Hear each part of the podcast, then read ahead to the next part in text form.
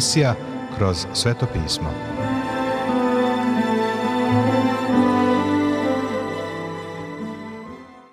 Dobroveče, poštovani slušaoci i dobrodošli u još jednu emisiju programa Kroz sveto pismo, programa koji je za vas napisao Vernon McGee, a pročitao Branko Bjelajac. Želimo vam prijetno i blagoslovljeno slušanje.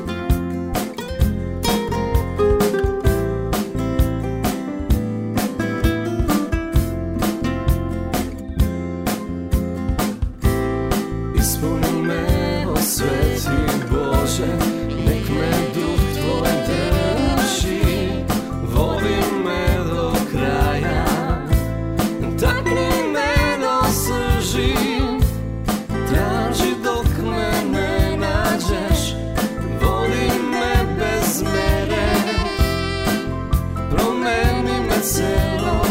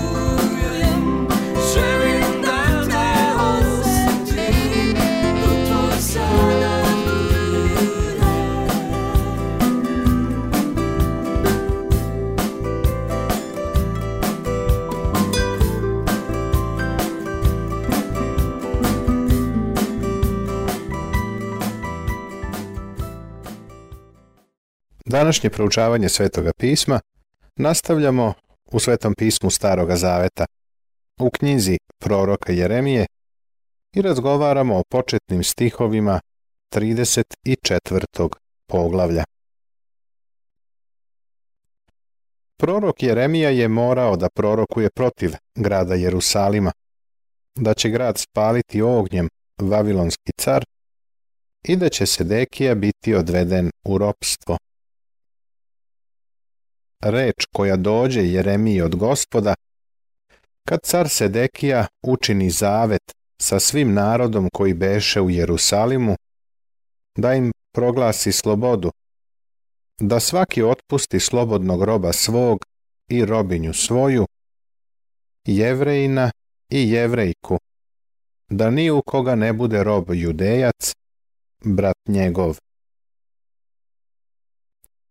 Sedekija se dogovorio sa narodom da se oslobode svi jevreji koji su bili sluge ili robovi.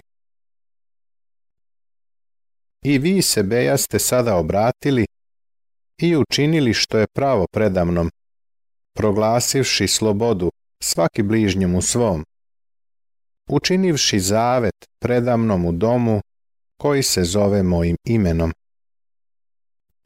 ali udariste natrag i pogrdiste ime moje, uzevši opet svaki roba svog i robinju svoju, koje bejaste otpustili, slobodne na njihovu volju, i nateraste ih da vam budu robovi i robinje.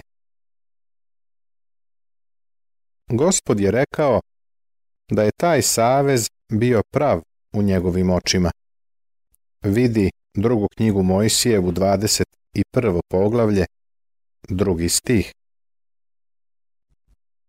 Ali Sedekija nije ispunio to za šta se obavezao, pa mu je gospod rekao da je uradio natrag i pogrdio ime gospodnje.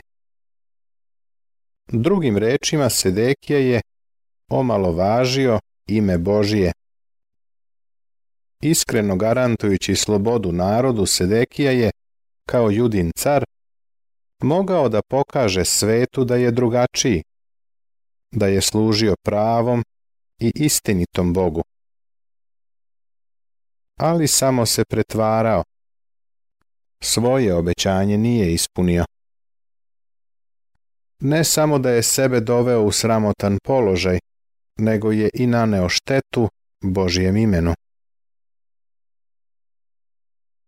Život Božijeg deteta je ono na šta će svet uvek gledati. Božijem imenu i unapređivanju Božije reči više su štetili oni koji ispovedaju da ga poznaju, nego svi bezbožni profesori na današnjim fakultetima. Život onih koji se pozivaju na Hristovo ime može da naškodi delu Hristovom više nego svi nevernici. Bog kaže, pogrdiste ime moje. Knezove Judine i knezove Jerusalimske, dvorane i sveštenike, i sav narod ove zemlje, koji prođoše između polovina onog teleta, predaću ih u ruke neprijateljima njihovim, i u ruke onima koji traže dušu njihovu. I mrtva će tela njihova biti hrana pticama nebeskim i zverima zemaljskim. I Sedekiju cara Judinog i knezove njegove predaću u ruke neprijateljima njihovim i u ruke onima koji traže dušu njihovu. U ruke vojsci cara Vavilonskog koja se vratila od vas. Oni koji prođoše između polovina onog teleta. Ovako su ljudi u to vreme sklapali saveze ili ugovore. Uzeli bi žrtvu i sasekli je na pola. Jednu polovinu bi stavili na jednu, a drugu polovinu na drugu stranu. Zatim bi prošli između polovine držeći se za ruke. Ovako je i Bog sklopio savez sa Avramom. To je kao kad danas idemo u pisarnicu.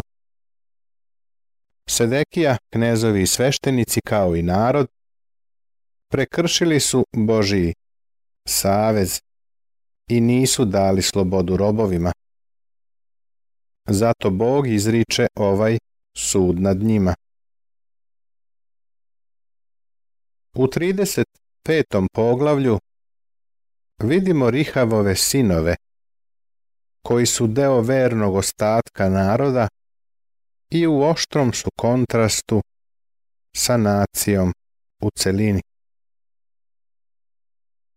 Bog nam je dao ovaj zapis da bi nas podsjećao na to da je uvek bilo ostatka naroda. On nikada neće ostaviti svet bez svesti o njemu. Čak i u najmračnijem vremenu u istoriji koji će svet upoznati u toku velike nevolje, koji nastupa tek u budućnosti, kada će 144.000 ljudi biti prisiljeno da se sakrije i dalje će ostati dva svedoka koja će stajati za Boga i zastupati ga. To je prosto način na koji će Bog to uraditi.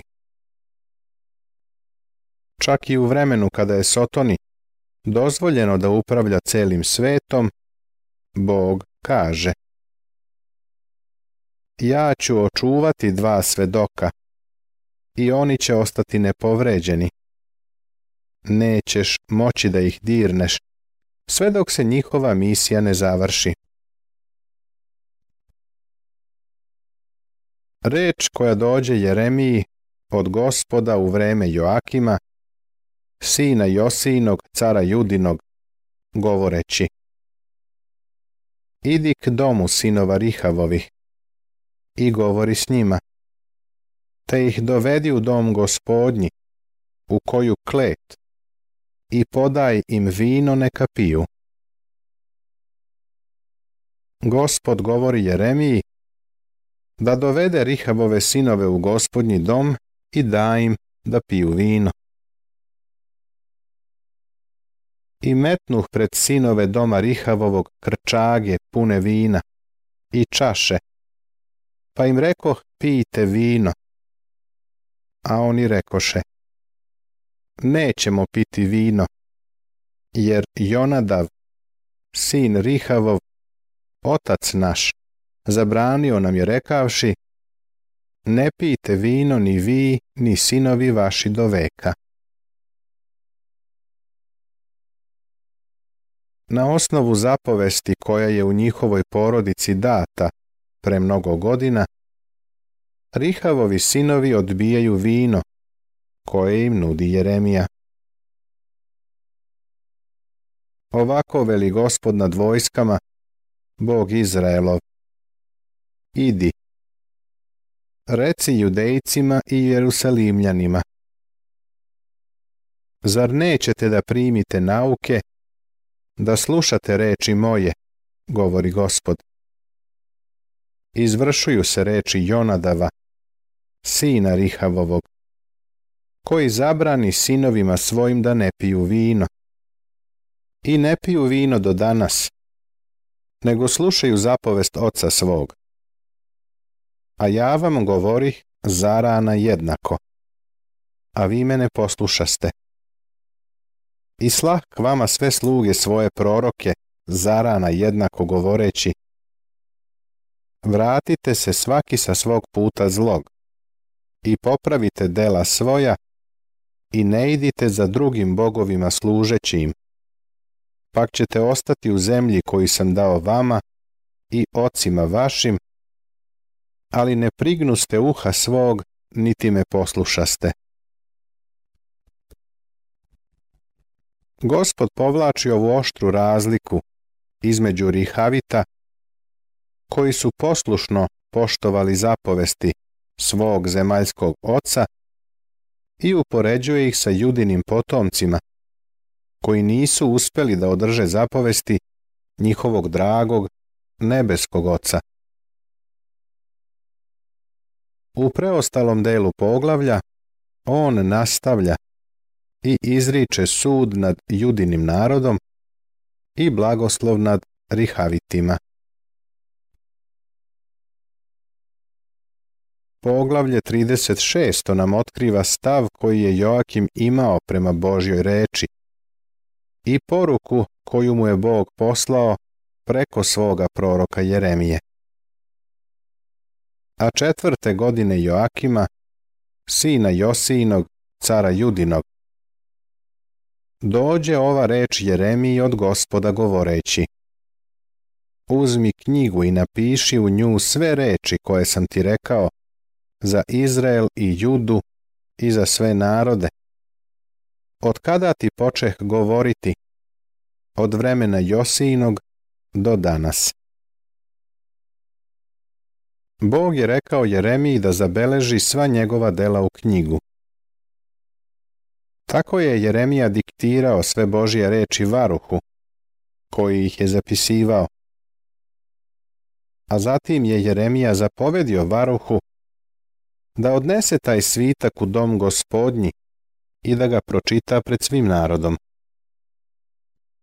Kada su knezovi čuli šta se desilo, pozvali su Varuha da i njima pročita svitak. Tada rekoše knezovi Varuhu, idi, sakrij se i ti i Jeremija, da niko ne zna gde si. Potom otidoše k caru u trem ostavivši knjigu u kleti Elisame pisara i kazaše caru sve te reči. A car posla Judija da donese knjigu. I donese je iz kleti Elisame pisara i stade čitati Judije pred carem i pred svim knezovima koji stajahu oko cara. A car seđaše u zimnoj kući devetog meseca i pred njim beše živo ugljevlje. I kad je pročita tri četiri lista, iseče je car nožem pisarskim i baci u oganj na žeravicu, te izgore sva knjiga ognjem na žeravici. Ovo nam pokazuje šta je Joakim mislio o Božjoj reči. Uzeo je i prosto bacio u vatru. Nije mario za nju. Nije je prihvatao. Nije u nju verovao. Nemam utisak da je Biblija i dalje najčitanija knjiga na svetu. Ko uopšte danas čita sveto pismo? Zanemarivanje Biblije se u suštini ne razlikuje od bacanja Biblije u vatru, kao što je uradio Joakim. Ali se ne uplašiše, niti razdreše haljine svoje car, niti koji od sluga njegovih, čuvši sve one reči. Nije bilo ni straha ni kajanja, zbog onoga što su uradili. Ako misliš da će se Bog ovde zaustaviti zato što je Joakim uništio njegovu reč, varaš se. Uzmi opet drugu knjigu i napiši u nju sve pređašnje reči koje behu u prvoj knjizi koju sažeže Joakim, car Judin. Bog kaže Jeremiji da sve ponovo napiše i da Joakimu pošalje poruku. Zato ovako veli gospod za Joakima cara Judinog. Neće imati nikoga ko bi sedeo na prestolu Davidovom i mrtvo će telo njegovo biti bačeno na pripeku obdan i na mraz obnoć. Upravo se to desilo Joakimu. Nije imao ikoga ko bi seo na Davidov tron danas. Gospod Isus ima pravo na taj tron, ali on ne potiče od njegove loze. Marija je bila iz Natanove loze, a Natan je drugi Davidov sin. Preko nje gospod Isus ima krvno pravo na nasledstvo Davidovog prestola. Niko nikada više iz Joakimove loze neće sesti na taj presto. Poglavlja od 37 do 39.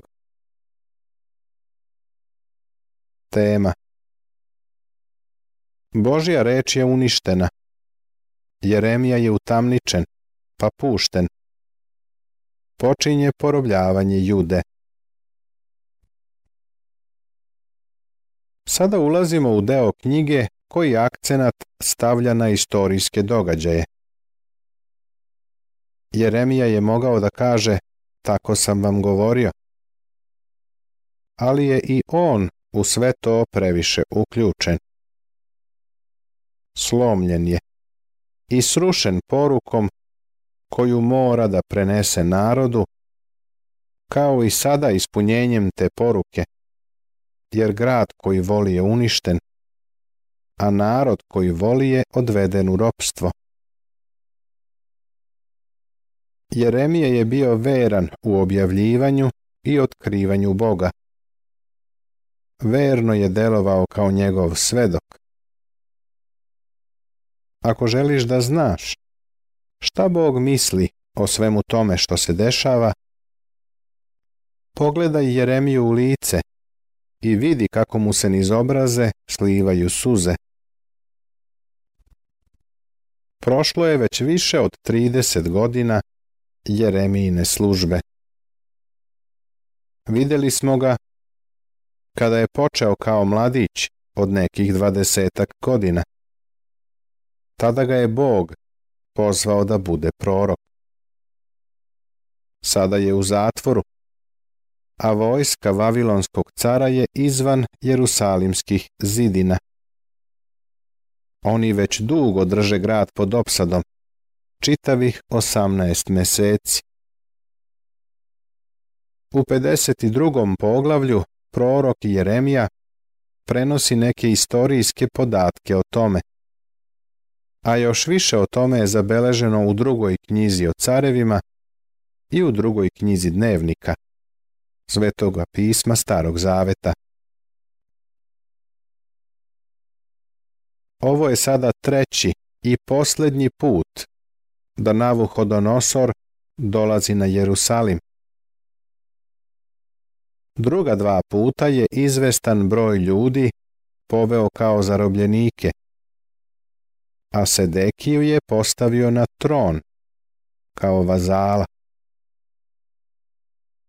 Sedekija je želeo da se oslobodi Vavilonskog cara, pa je otišao u Egipat kod Faraona. Faraon je odlučio da dođe i pokuša da oslobodi Sedekiju. Ono što je planirao da uradi naravno jeste da dovede Judu pod egipatsku vladavinu.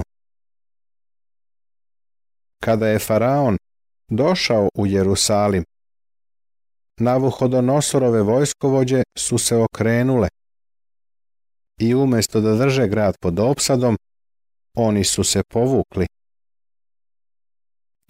U ovom trenutku je izgledalo da su možda sva Jeremijina proroštva pogrešna. Zato je Bog Jeremiji dao ove snažne reči. Ovako veli gospod Bog Izraelov. Ovako recite caru Judinom koji vas je poslao k meni da me pitate. Evo, vojska faraonova koja pođe vama u pomoć, vratit će se u svoju zemlju, u Misir. A haldejci će opet doći i opkolit će taj grad i uzet će ga i spalit će ga ognjem. Ovako veli gospod. Ne varajte se govoreći, otići će od nas haldejci, jer neće otići. I da pobijete svu vojsku haldejsku koja će biti sa vama i da ih ostane nekoliko ranjenika i oni će ustati iz svojih šatora i spaliti taj grad ognjem. Nastavit će se.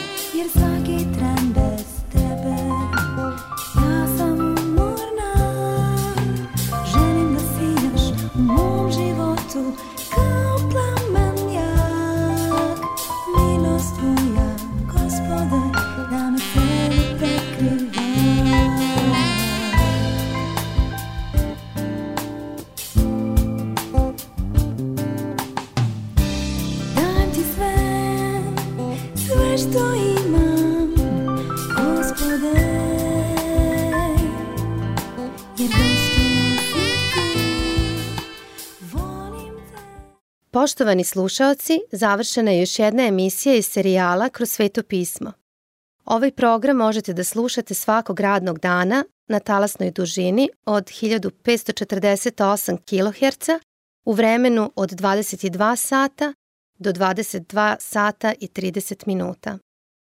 Ukoliko želite da nam se javite, da nas pohvalite ili pokudite, da nam predložite izmene kojima bismo mogli da poboljšamo naš program, ali i da vas nagradimo kakvom dobrom hrišćanskom knjigom, Novim Zavetom ili celom Biblijom. Na raspolaganju su vam telefon, elektronska pošta ili obična pošta. Broj našeg telefona je plus 381 062 396 331. Adresa redakcije glasi Poruke, Poštanski fah 37 11060 Beograd. Elektronskom poštom nas možete kontaktirati na kroz at gmail.com. Takođe, pripremili smo vam i web stranicu na kojoj možete pronaći sve naše programe. Adresa web stranice je www.twr.com serbia.org. To bi za večeras sa naše strane bilo sve. Pozdravljaju vas i žele vam Boži blagoslov Branko, Nebojša i Monika. Laku noć.